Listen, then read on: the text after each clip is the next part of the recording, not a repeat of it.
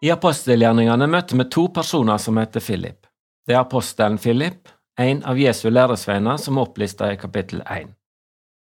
Fra kapittel 6 og utover kan vi lese om diakonen Philip, som ble utpeka til å assistere læresveinene med matutdeling i Jerusalem.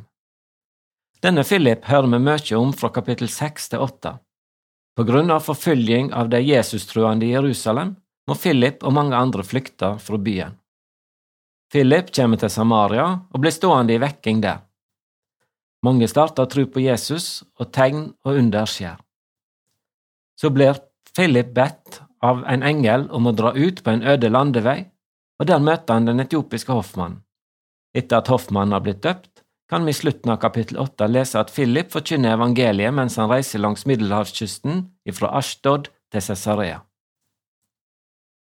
Så hører ikke vi mer om Philip og hva som med han før navnet hans dukker opp igjen i apostelgjerningene kapittel 21. Der kan vi lese at Paulus har vært på sin tredje misjonsreise, og han vet med seg sjøl at tjenesten hans som misjonær i dagens Tyrkia og Hellas går imot slutten. I Millet så har han hatt en svært kjenslefull avskjed med de kristne fra Efesus.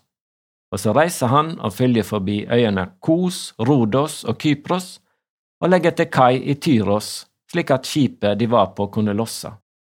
Og så leser vi apostelgjerningene kapittel 21, vers 7 og utover. Så for vi fra Tyros til Ptolemais og hadde da fullført sjøferda. Vi hilsa på søsknene der og var en dag hos dem.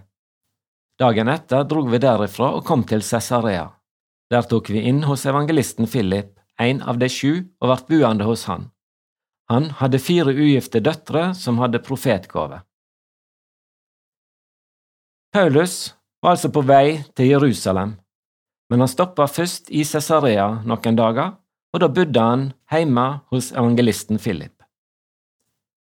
Philip har tydeligvis slått seg ned i Cesarea. Han har stifta familie og blitt buende der i sammen med familien. Livet hans gikk inn i en helt ny fase.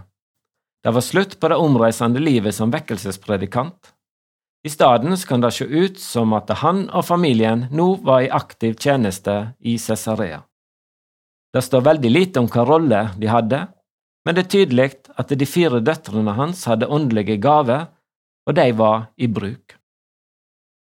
Philip hadde tydeligvis et så stort hus at i tillegg til å huse hans familie med fire døtre, så var det òg husrom for Paulus og hans reisefølge noen dager.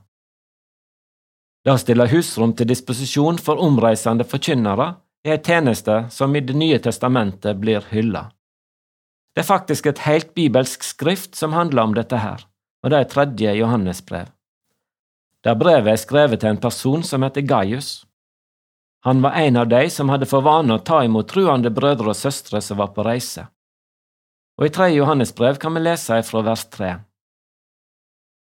Jeg ble inderlig glad da noen av søsknene våre kom og fortalte hvor trufast du er mot sanninga, hvordan du lever i henne. Ikke noe gleder meg mer enn å høre at barna mine lever i sanninga. Kjære deg, du er trufast i all di gjerning for søsknene våre, ja, til og med for de som er fremmede. I forsamlinga her har de vitna om kjærleiken din. Du gjør vel om du hjelper deg videre på reisa, det er rett for Gud. Det var da for å forkynne navnet de drog ut, og de tek ikke imot hjelp fra heidningene. Derfor skylder vi å ta oss av dem, så vi kan være medarbeidere for sanninga. Og så holder brevet videre fram med advarer imot å gjøre sånn som en person som het Diotrefes gjorde, som ikke ville ta imot trossøsken i sitt hus. Det å ta imot forkynnere og misjonærer er òg ei viktig tjeneste, kan vi lese her, altså. Og de som gjør det, blir kalt medarbeidere for sanninga. Philip var en medarbeider for sanninga i Cesarea, og en av måtene var at han åpna heimen sin for Paulus og hans reisefølge. Philip bodde sammen med familien sin i Cesarea. Det kan være at han har bodd der i over 20 år, ifra han kom dit i kapittel 8 og til Paulus reiser forbi i kapittel 21. Og hvorfor i all verden valgte Philip å bosette seg i Cesarea? Cesarea var en flott by. Byen var grunnlagt av Herodes den store noen tiår før Jesu fødsel. Og byen ble residensen for kong Herodes og hadde et fint klima der den lå ved middelhavskysten. Kong Herodes ga byen navnet Cesarea for å hylle den romerske keiseren, og Cesarea var derfor òg prega av romersk religion og kultur. Dette her var en by som var helt forskjellig ifra Jerusalem. Jerusalem hadde en tempelet, og det var et sterkt jødisk preg. I Cesarea var det hedenskapet som ble vist fram. Likevel så valgte Philip å bo her i sammen med sin familie. Jeg er sjøl far til tre, og for oss har det vært et ønske at våre bodden skulle få gode kristne venner og bli en del av et kristen fellesskap. Jeg tror mange kristne foreldre tenker på dette her og mange velger derfor å bosette seg på plasser med et godt kristent arbeid, spesielt for barn og unge. Philip hadde kanskje òg dette i tankene sine, men han valgte altså å bo i kjerneområdet for hedenskap i Israel. Det beundrer jeg han for. Det er derfor så veldig flott å lese at sjøl om han bor nært hedenskapet, så har det gått fint på den måten at det ser ut som at alle de fire døtrene er bevart i trua, og de har ei tjeneste iblant de kristne. Alle kristne kan ikke bo på plasser der det er mange kristne. Det er noen som må bo i byer og på plasser der det er få kristne, og der lokal kultur bryter med de kristne. Slik var det i Cesarea. Philip har en mangfoldig tjeneste, og den ser ulik ut ifra tid til tid. Det som er sikkert, er at uansett livsfase og hvor han bor, så ligger det oppgaver og venter på han. Dette her tar jeg med meg. Sjøl har jeg hatt ulike roller og oppgaver og bodd på forskjellige plasser. Helt ifra Frøydis, kona mi og jeg ble kjent med hverandre, sa sangen Dine løfter er mange, en sang skreven av Sigurd Lunde, betydde mye for oss. I det femte verset så står det slik. Lær oss elske hverandre og se hva det er du har ment med at vi bor der vi bor. Hjelp oss vitne om Jesus for fjern og for nær, La ditt ord nå ut til hele vår jord.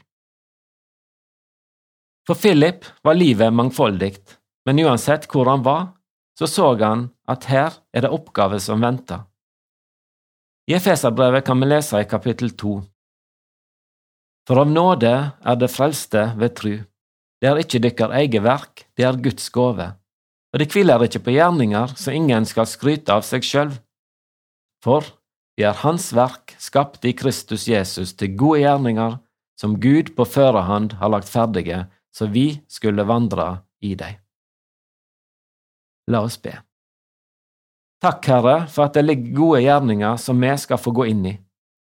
Takk òg, Herre, for at vår frelse ikke er avhengig av det vi gjør, men at det er gåve ifra deg. Amen.